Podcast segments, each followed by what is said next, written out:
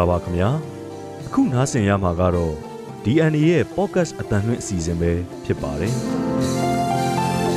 ဒေါ်လာရေးတိုက်ပွဲကာလဖြစ်တဲ့အားလျော်စွာတဏိတာသတင်းဖြစ်ရက်တွေကိုလူဦးဒေါ်လာရေးသတင်းတွေကပဲဖုံးလွှမ်းထားတာပါ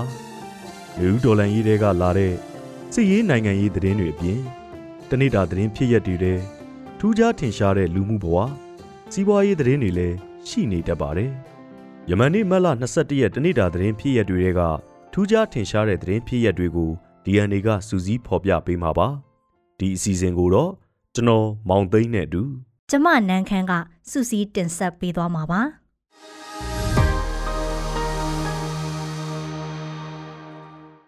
ပထမဦးဆုံးသတင်းတပုတ်အနေနဲ့လူမျိုးစုတွေရဲ့ဆန္ဒကိုအလေးထားမယ်လို့ NLD ပြောတယ်ဆိုတဲ့အကြောင်းကိုပြောပြပေးပါမယ်။အနာဂတ်ဖက်ဒရယ်ဒီမိုကရေစီပြည်ထောင်စုတည်ဆောက်ရမှာ တိုင်းရင်းသားလူမျိုးစုတွေရဲ့ဆန္ဒသဘောထားတွေကိုအလေးထားဆောင်ရွက်သွားမှာဖြစ်တယ်လို့အမျိုးသားဒီမိုကရေစီအဖွဲ့ချုပ် NLD ပါတီကမတ်လ22ရက်မှာကြေညာပါတယ်။ NLD ပါတီဒုတိယဗဟိုကော်မတီရဲ့ကြားကာလအစည်းအဝေးကိုမတ်လ20ရက်က online စနစ်နဲ့ကျင်းပခဲ့ပြီးဆုံးဖြတ်ချက်17ချက်ကိုကန့်ကွက်သူမရှိအတည်ပြုခဲ့ကြတယ်လို့ထုတ်ပြန်ချက်မှာဖော်ပြထားပါတယ်။အဲ့ဒီဆုံးဖြတ်ချက်တွေထဲမှာ NLD ပါတီကိုမှတ်ပုံပြန်မတင်တဲ့အကြောင်းအတည်ပြုတာလည်းပါဝင်ပါတယ်။ဒါအပြင် ပါတီဥက္ကဋ္ဌနဲ့နိုင်ငံတော်အတိုင်ပင်ခံပုဂ္ဂိုလ်ဖြစ်တဲ့ဒေါအောင်ဆန်းစုကြည်နဲ့သမ္မတဦးဝင်းမြင့်တို့အပါအဝင်နိုင်ငံရေးအကျဉ်းသားတွေအမြန်ဆုံးလွတ်မြောက်ရေးလှုံ့ဆော်သွားဖို့လည်းပါဝင်ပါတယ်။အဲ့ဒီအစည်းအဝေးကိုဗဟိုကော်မတီဝင်40ဦးအရန်ဗဟိုကော်မတီဝင်73ဦးတိုင်းနယ်ပြည်နယ်အလုတ်အမှုဆောင်22ဦးဗဟိုရေးရာကော်မတီတွေက16ဦးစုစုပေါင်းပါတီဝင်90ဦးတက်ရောက်ခဲ့တယ်လို့လည်း NLD ပါတီကထုတ်ပြန်ပါတယ်။တိတ်မကြသေးခင်ကဦးဖြိုးမင်းသိန်း ဒေါ်စန္နာမင်းတို့အပါအဝင်၄ဦးကိုပါတီကနေထုတ်ပယ်ကြောင်းထုတ်ပြန်ကြေညာချက်ကိုလည်းအခုဗဟိုကော်မတီအစည်းအဝေးမှာဆက်လက်အတည်ပြုခဲ့ကြတယ်လို့ဆိုပါတယ်။ပါတီကထုတ်ပယ်ခံထားရတဲ့သူတွေကတော့ပါတီကောင်းဆောင်တွေနဲ့ဗဟိုအလုတ်အမှုဆောင်တွေဖမ်းဆီးအကျဉ်းချခံထားရတဲ့အချိန်မှာပါတီနဲ့ပတ်သက်လို့တီးခြားဖွဲ့စည်းမှုတွေဆုံးဖြတ်လောက်ကင်မှုတွေဟာပါတီစည်းမျဉ်းတွေအရညီညွတ်မှုမရှိဘူးလို့တုံ့ပြန်ထားကြတာပါဒုတိယသတင်းတစ်ပုဒ်အနေနဲ့မြမအရေးတရုတ်ကြားဝင်မှုကိုအတိမတ်ပြုတယ်လို့ ယာယီသမရပြောလိုက်တဲ့သတင်းကိုတင်ဆက်ပါမယ်မြမအရေးအတွက်တရုတ်နိုင်ငံရဲ့ကြားဝင်လှုပ်ဆောင်ပေးမှုကိုအတိမတ်ပြုတယ်လို့အမျိုးသားညီညွတ်ရေးအစိုးရ NUG ယာယီသမရဒူဝါလက်ရှိလာကယမန်နေ့မတ်လ22ရက်နေ့ကပြုလုပ်တဲ့အစိုးရအဖွဲ့အစည်းအဝေးမှာပြောလိုက်ပါတယ်အခုလအတွင်းမြောက်ပိုင်းမဟာမိတ်တပ်ဖွဲ့တွေနဲ့တရုတ်အထူးကိုယ်စားလှယ်တို့တွဲဆုံခဲ့ကြတာတွေနဲ့ပတ်သက်လို့ယာယီသမရကအစိုးရအဖွဲ့အစည်းအဝေးမိန့်ခွန်းမှာထည့်ပြောခဲ့တာပါ တရုတ်နိုင်ငံနဲ့မြောက်ပိုင်းမဟာမိတ်အဖွဲ့တွေရဲ့ဆွေးနွေးပွဲဟာအပြူသဘောဆောင်တဲ့ဆွေးနွေးပွဲဖြစ်ဖို့ NUG ကသုံးသပ်နေတယ်လို့လည်းယာယီသမရဒူဝါလက်ရှိလာကပြောပါသေးတယ်တစ်ဆက်တည်းမြန်မာနိုင်ငံဒေသအနှံ့မှာအာဏာသိမ်းစစ်တပ်ကျူးလွန်နေတဲ့အကြမ်းဖက်တပ်ဖြတ်မှုတွေကိုတရုတ်နိုင်ငံကတားဆီးပေးဖို့လဲသူကတိုက်တွန်းခဲ့ပါသေးတယ်တရုတ်အထူးကိုယ်စားလှယ်ရဲ့မြန်မာနိုင်ငံခီးစဉ်အပြီးမြောက်ပိုင်းမဟာမိတ်တပ်ဖွဲ့တွေနဲ့တရုတ်အထူးကိုယ်စားလှယ်တို့တွေ့ဆုံခဲ့ကြသလိုအဲ့ဒီတွေ့ဆုံအပြီးမှာ မြောက်ပိုင်းမဟာမိတ်အဖွဲ့တွေရဲ့အစည်းအဝေးတစ်ခုကိုလည်းဝါဒေတာပန်ခမ်းမြို့မှာပြုလုပ်ခဲ့ပါသေးတယ်။ဒီအစည်းအဝေးပြီးထုတ်ပြန်ချက်မှာမြန်မာပြည်ရင်းပြည်ပခတွေနဲ့ပတ်သက်လို့တရုတ်နိုင်ငံကဂျောင်းဝင်ဆောင်ရွက်တာကိုကြိုးဆိုတယ်လို့လည်းဖော်ပြခဲ့ပါတယ်။ဒါအပြင်ပြည်မနဲ့တိုင်းရင်းသားဒေသငြိမ်းချမ်းရေးတည်ဆောက်ဖို့အတွက်လူနည်းစုတိုင်းရင်းသားတွေရဲ့အင်အားနဲ့အစွမ်းအစကိုအားကိုးကြရမှာဖြစ်ပြီးနေဆက်ဒေသတည်ငြိမ်ဖို့တရုတ်အစိုးရနဲ့ဆက်လက်လက်တွဲလှုပ်ဆောင်သွားမယ်လို့လည်းမြောက်ပိုင်းမဟာမိတ်အဖွဲ့ကဆိုပါတယ်။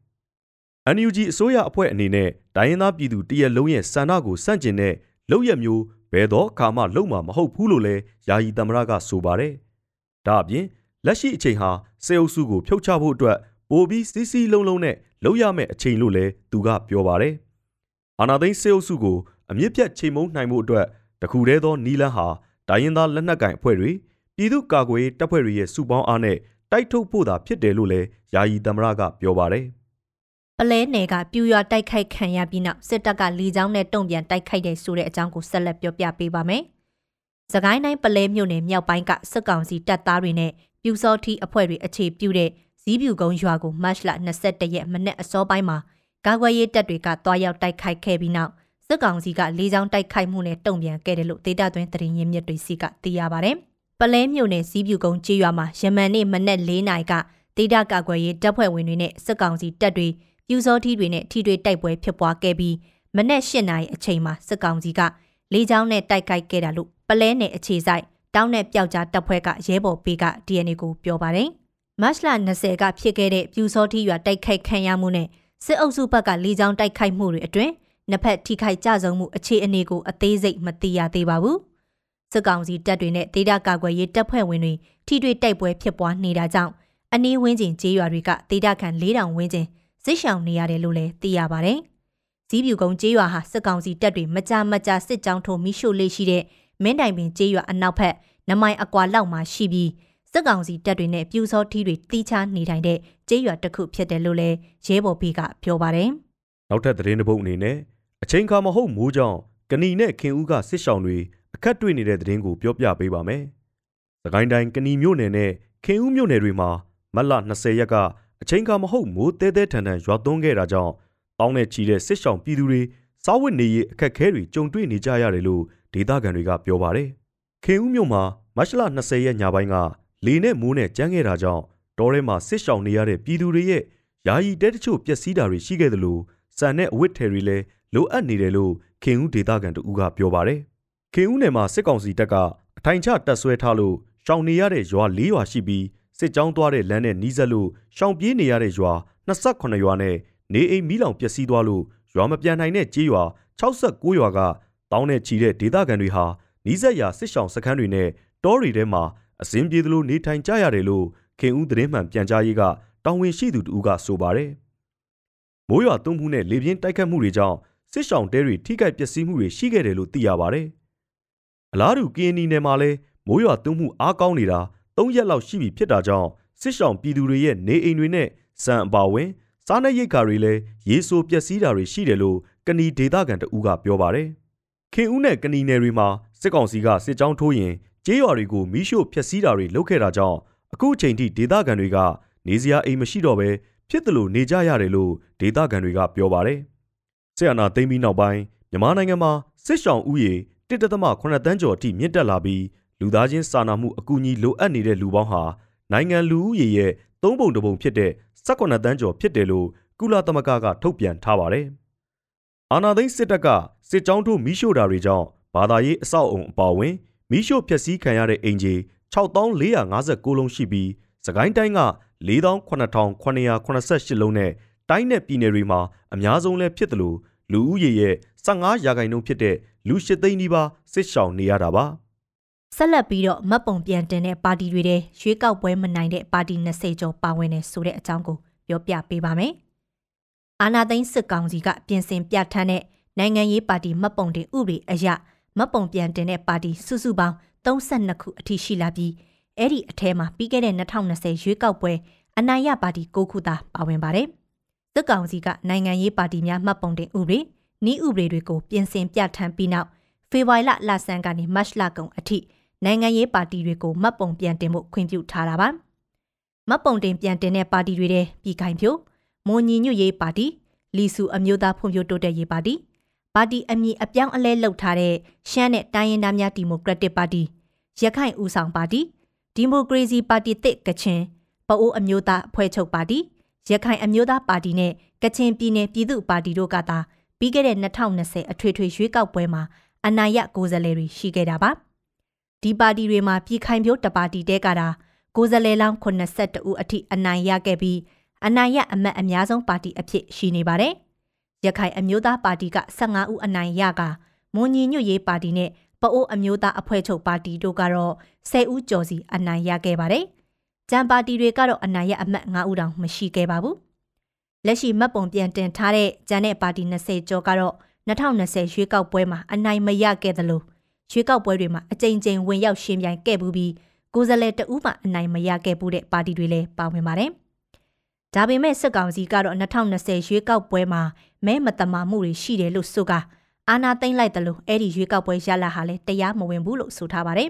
။လက်ရှိမှတ်ပုံပြန်တင်တဲ့ပါတီ30ကျော်တဲ့ကထက်ဝက်လောက်ဟာ2020ရွေးကောက်ပွဲမတိုင်မီလပိုင်းအလိုမှာစစ်ကောင်ဆောင်မဲအွန်လိုင်းနဲ့တွားရောက်တွေ့ဆုံခဲ့တဲ့နိုင်ငံရေးပါတီ34ခုစည်ရင်ထဲမှာပါဝင်ပါတယ်။ အာနာသိမ့်မှုအတွက်ကြိုတင်တွန်းအားဖြစ်စေခဲ့တယ်လို့ရှုမြင်သုံးသပ်မှုတွေရှိခဲ့တဲ့စစ်ကောင်ဆောင်နဲ့အဲ့ဒီနိုင်ငံရေးပါတီတွေတွေ့ဆုံပွဲမှာပါဝင်တက်ရောက်ခဲ့တဲ့နိုင်ငံရေးပါတီတချို့ဟာစစ်ကောင်စီလက်အောက်ပြန်လည်မှတ်ပုံတင်ရမှာတော့နာမည်ပြောင်းတည်ထောင်တာဖွဲ့စည်းပုံပြောင်းလဲထားတာပါတီတွေအချင်းချင်းပူးပေါင်းလိုက်တာမျိုးတွေလည်းရှိပါတယ်နောက်ဆုံးသတင်းတစ်ပုဒ်အနေနဲ့မန္တလေးကျုံနယ်လူငယ်အမျိုးသားတဦးခုံချအဆုံးစီရင်တဲ့သတင်းကိုပြောပြပေးပါမယ်။မန္တလေးတိုင်းအောင်မြေသာဆန်မြို့နယ်ဥပုဒ္တော်ရက်ကွက် 26လမ်းနဲ့89လမ်းတောင်ကကျုံတောင်ဘက်ရေပြင်အတွင်းစေးကြောင်သားတဦးခုံချအဆုံးစီရင်ခဲ့ပြီးရေနစ်သေဆုံးသွားတယ်လို့လူမှုကူညီကယ်ဆယ်ရေးလုပ်ကိုင်နေသူတွေကပြောပါတယ်။ယမန်နေ့မက်လ22ရက်မနက်6နာရီလောက်မှာအမျိုးသားတဦးကျုံရေပြင်အတွင်းခုံချခဲ့တာကြောင့်လူမှုကယ်ဆယ်ရေးအဖွဲ့တွေကရှာဖွေကယ်ဆယ်ခဲ့ပေမဲ့ရုပ်အလောင်းကိုပဲရရှိခဲ့တာလို့သိရပါတယ်။ရေနစ်သေဆုံးသွားသူအမျိုးသားဟာအသက်29နှစ်အရွယ်ကိုစောမျိုးထက်ဆိုသူဖြစ်ပြီး ဟေမာဇလရက်ကွက်မှာနေထိုင်သူဈေးကြောင်းသားတဦးဖြစ်တယ်လို့မန္တလေးမြို့ကလူမှုကယ်ဆယ်ရေးအဖွဲ့ဝင်တဦးက DNA ကိုပြောပါတယ်။အဲ့ဒီအမျိုးသားကိုမိသက်တပ်ဖွဲ့ဝင်တွေနဲ့လူမှုကယ်ဆယ်ရေးအဖွဲ့တွေပူးပေါင်းပြီးနိုင်ဝက်အကြာရှာဖွေရေးတွေလုပ်ခဲ့ရပြီးရုပ်အလောင်းကိုမန္တလေးပြည်သူစေယုံကြီးကိုပို့ဆောင်ထားတယ်လို့သိရပါတယ်။အခုနိုင်ငံတကာသတင်းအစီအစဉ်ကိုကိုမောင်သိန်းကဆက်လက်တင်ဆက်ပေးပါမယ်။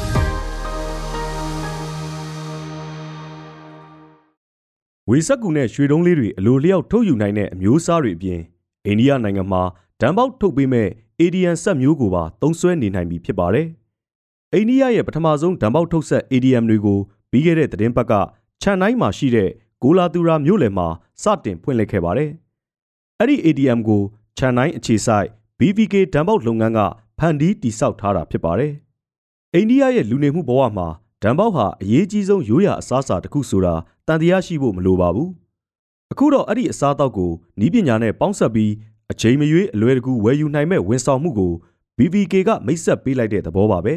။ ADM မှာဓာတ်ပေါက်ဝယ်ယူလိုသူတွေဟာကွဲပြားတဲ့အရသာနဲ့ထည့်သွင်းထားတဲ့အမဲတွေကိုပါစိတ်တိုင်းကြပြောင်းလဲရွေးချယ်နိုင်ပါတယ်။ညတရီနိုဓာတ်ပေါက်စားခြင်းစိတ်ပေါ်လာရင်တော့စိုင်လိုက်ရှာစရာမလိုတော့ပဲ ADM မှာလာထုတ်ယုံပဲလို့ခြံတိုင်းဒေသခံတဦးကပြောပါတယ်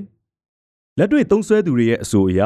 စက်မှာဓာတ်ပေါက်မှာယူပြီးယူဆောင်သွားရတဲ့အဆင့်တွေကတအားရိုးရှင်းလွယ်ကူတယ်လို့သိရပါတယ်။ ADN စက်မှာ32လက်မအကျယ်တက်စခရင်ကိုတက်ဆင်ပေးထားပြီးလိုချင်တဲ့ဓာတ်ပေါက်အမျိုးအစားကိုမှာယူယုံပဲဖြစ်ပါတယ်။ပြီးတော့ QR ကုတ်တွေကိုစကန်ဖတ်ပြီးဖုန်းနဲ့ပဲဖြစ်ဖြစ်ဒါမှမဟုတ်ဘဏ်ကတ်နဲ့ပဲဖြစ်ဖြစ်ငွေရှင်းနိုင်ပါတယ်။ငွေရှင်းပြီးမိနစ်ပိုင်းအတွင်းမှာပဲလက်လက်ဆက်ဆက်စီစဉ်ပြင်ဆင်ပြီးသေချာထုတ်ပိုးပေးထားတဲ့ဓာတ်ပေါက်တို့ကိုရရှိလာမှာပါ။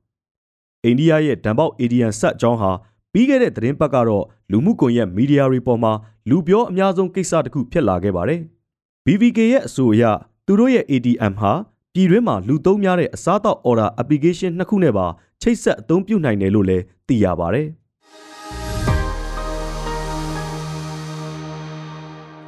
ရုရှားသိမ်းပိုက်ထားရာဂရိုင်းမီးယားကျွန်းဆွယ်ကရုရှားဒုံးကျည်တွေကိုတိုက်ခိုက်ဖျက်ဆီးနိုင်ခဲ့ကြောင်းယူကရိန်းကထုတ်ပြန်ပါတယ်။ ယူကရိန်းကာကွယ်ရေးဝန်ကြီးဌာနရဲ့အဆိုအရယထာတန်လန်းတွေနဲ့တည်ယူနေတဲ့ဒုံးကျည်တွေကိုပြစ်မှတ်ထားတိုက်ခိုက်ခဲ့တာလို့သိရပါတယ်။ယူကရိန်းရဲ့အဆိုသာမှန်ကန်ရင်တော့ခရိုင်းမီးယားအခြေစိုက်ရုရှားတပ်တွေဟာအတော်လေးရှားပါပေမဲ့တက်ရောက်မှုအားကောင်းတဲ့အလစ်အငိုက်တိုက်ခိုက်မှုမျိုးခံခဲ့ရတဲ့သဘောပါပဲ။ယူကရိန်းရဲ့ပင်လယ်နက်စိတ်ကမ်းဒေသဖြစ်တဲ့ခရိုင်းမီးယားကို2014ခုနှစ်ကတည်းကရုရှားတပ်တွေကျူးကျော်သိမ်းပိုက်ခဲ့တာဖြစ်ပါတယ်။ ဒက်စ်ဟန်ကွိုင်မြို့ရဲ့ရုရှားအုပ်ချုပ်ရေးအရာရှိကမြို့ထဲမှာဒရုန်းတွေနဲ့တိုက်ခိုက်မှုတစ်ခုကြုံတွေ့ခဲ့ကြောင်းအတီးပြုတ်ခဲ့ပေမဲ့အသေးစိတ်အချက်လက်တွေကိုတော့မထုတ်ပြန်ပါဘူး။မတ်လ20ရက်နေ့ညပိုင်းမှာရိုက်ကူးထားတဲ့ဗီဒီယိုတွေအရမြို့ထဲမှာအားကောင်းတဲ့ပောက်ကွဲမှုအ ਨੇ ဆုံးတစ်ကြိမ်ဖြစ်ပွားပြီးမီးလုံးကြီးထိုးတက်လာတာကိုတွေ့ရပါတယ်။မြို့ရဲ့ရုရှားအာဏာပိုင်တွေအဆိုအရပြက်ကျတဲ့ဒရုန်းအစအနတွေထိမှန်လို့အသက်33နှစ်အရွယ်လူတစ်ယောက်ဆေးရုံတင်ခဲ့ရတယ်လို့သိရပါတယ်။ ပောက်ကွဲမှုဖြစ်လို့အဆောက်အုံတချို့မီးလောင်ပြီးဓာတ်အားပေးလိုင်းတွေပြတ်တောက်ခဲ့တယ်လို့လည်းအာဏာပိုင်တွေကဆိုပါတယ်။ဒါပေမဲ့စစ်ရေးပြစ်မှတ်တွေထိခိုက်ပျက်စီးမှုအခြေအနေနဲ့ပတ်သက်လို့တော့ဘာမှမပြောခဲ့ပါဘူး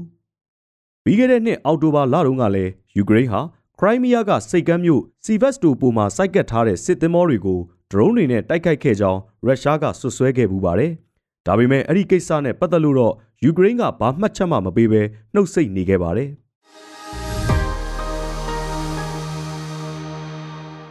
ဆက်လက်ပြီးစစ်မြေပြင်သတင်းတော့မတ်မြတ်မိုးသူရဲ့အကြောင်းကို နားဆင်ရမှာဖြစ်ပါတယ်။ရမိုးကအစကတည်းကသတင်းတောက်တယောက်ဘဝကိုဆွတ်လွတ်ရမှာဆိုလို့ဒီတော်လိုင်းနယ်မြေမှာရတဲ့နေရာကနေပြီးတော့အဖြစ်ဖြစ်အောင်ဒီမြေပြင်ပေါ့နော်မြေပြင်မှာမဖြစ်ဖြစ်အောင်နေတာပါ trainer တယောက်အနေနဲ့လည်းနေတယ်အဲ့ဒါကဘာဖြစ်လို့လဲဆိုရင်သတင်းတော့တယောက်အဖြစ်သတင်းတော့ဘဝကိုကာကွယ်ခြင်းလို့လို့ပြောရင်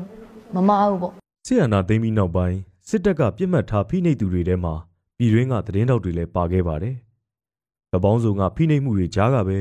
သတင်းသမားတွေဟာစစ်တပ်ရဲ့လူခွင့်ရေးချိုးဖောက်မှုတွေနဲ့မြန်မာပြည်တွင်းကဖြစ်ရပ်တွေကိုပုံစံမျိုးစုံနဲ့ဖော်ထုတ်တင်ဆက်နေကြပါတယ်။အဲ့ဒီထဲမှာတိုက်ပွဲတွေကြားမှာသတင်းလိုက်နေတဲ့အမျိုးသမီးသတင်းသမားတဦးလည်းရှိပါတယ်။စစ်သတင်းတောက်လို့ဆိုလိုက်ရင်အများစုကလုံခြုံရေးဝစ်စုံအပြည့်နဲ့သတင်းလိုက်နေတဲ့စစ်သတင်းတောက်ပုံစံတွေကိုပဲမြင်အောင်မိကြမှာပါ။ အမျိုးသမီးစစ်သတင်းတောက်ဆိုရင်လည်းတောင်းတောင်းဖြောင်းဖြောင်းနဲ့အကာအကွယ်တွေအပြည့်ရထားတဲ့သူလို့သူတို့ကယူဆထားကြပါတယ်။တိုက်ပွဲတွေကြားကြောဘိုးရီတစ်လုံးအိတ်ဆရာပကတ်တစ်လုံးနဲ့ပြေးလွှားတိမ်းရှောင်ရင်သတင်းတွေကိုတင်ဆက်ပေးနေသူပါ။မမြတ်မိုးသူဟာသတင်းတောက်လုတ်သက်၈နှစ်ကျော်ရှိပြီးသူ့ရဲ့သတင်းတောက်ဘဝကိုစစ်ပွဲစုံတွေထဲမှာပဲဖြတ်တန်းခဲ့သူတစ်ယောက်ဖြစ်ပါတယ်။အာနာမသိငင်ကာလကလေးက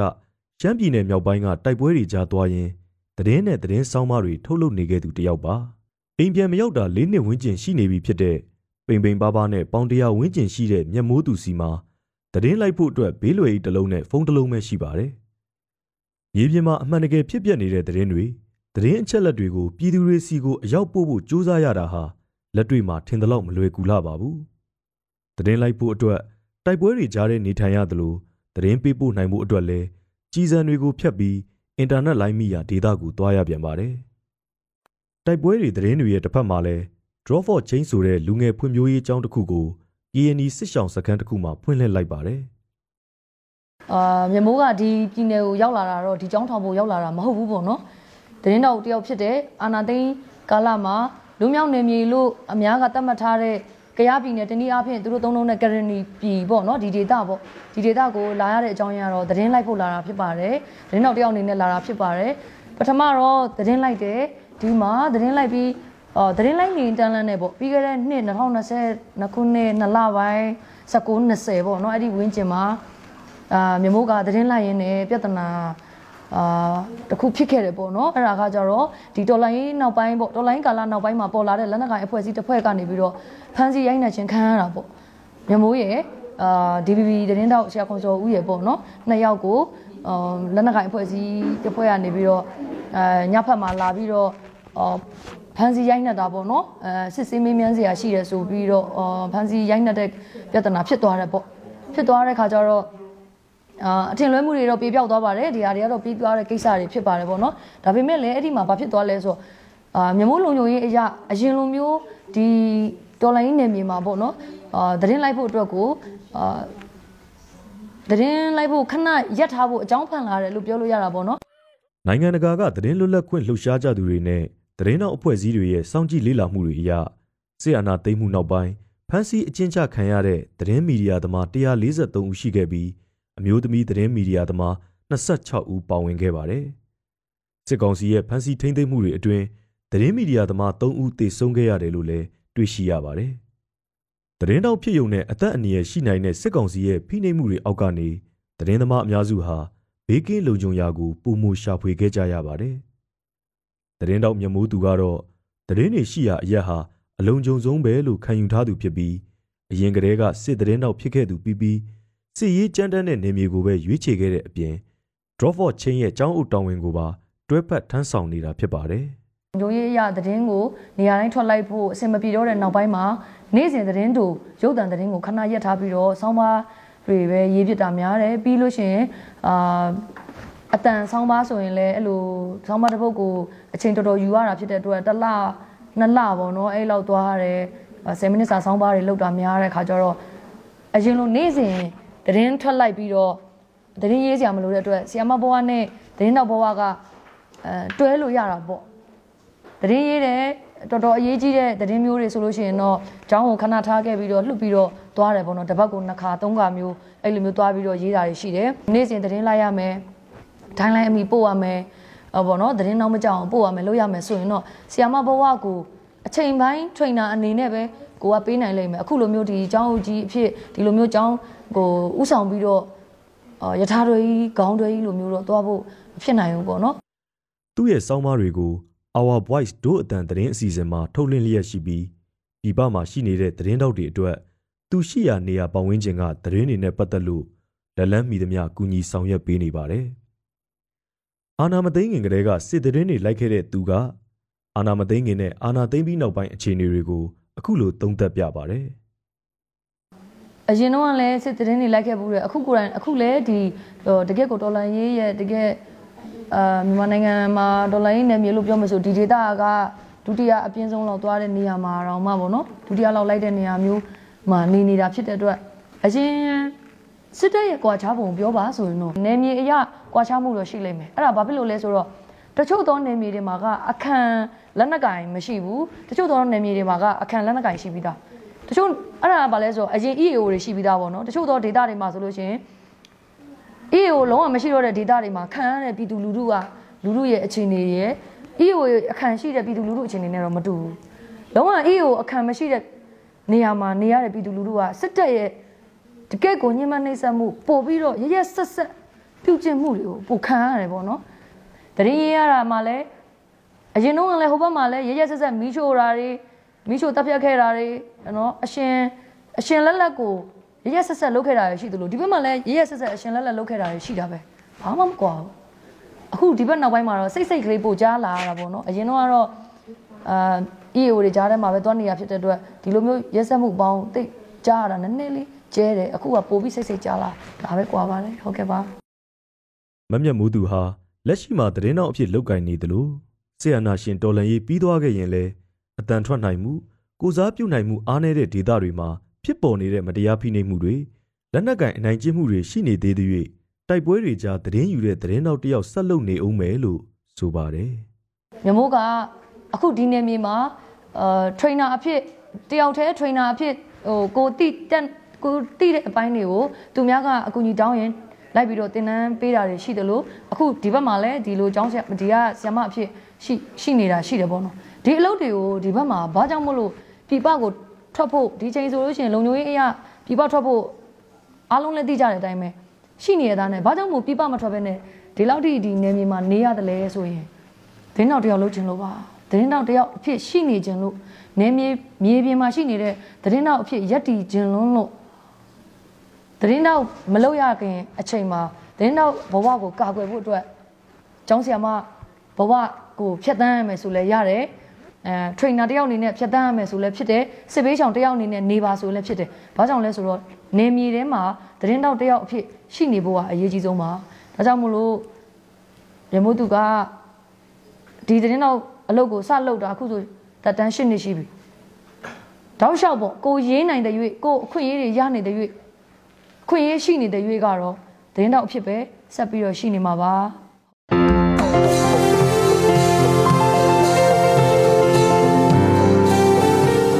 DNA ရဲ့ podcast အတန်လွင့်အစီအစဉ်ကိုအပတ်စဉ်တနင်္လာနေ့ကနေတောက်ကြနေ့အထိမနက်9:00နာရီတိုင်းမှာတင်ဆက်ပေးသွားမှာဖြစ်ပါတယ်။ဒီအစီအစဉ်ကို DNA ရဲ့ Facebook Page ကနေအပြင် Anchor, Spotify နဲ့ Google Podcast တို့တွေကနေတဆင့်လဲနားဆင်နိုင်ပါတယ်ခင်ဗျာ။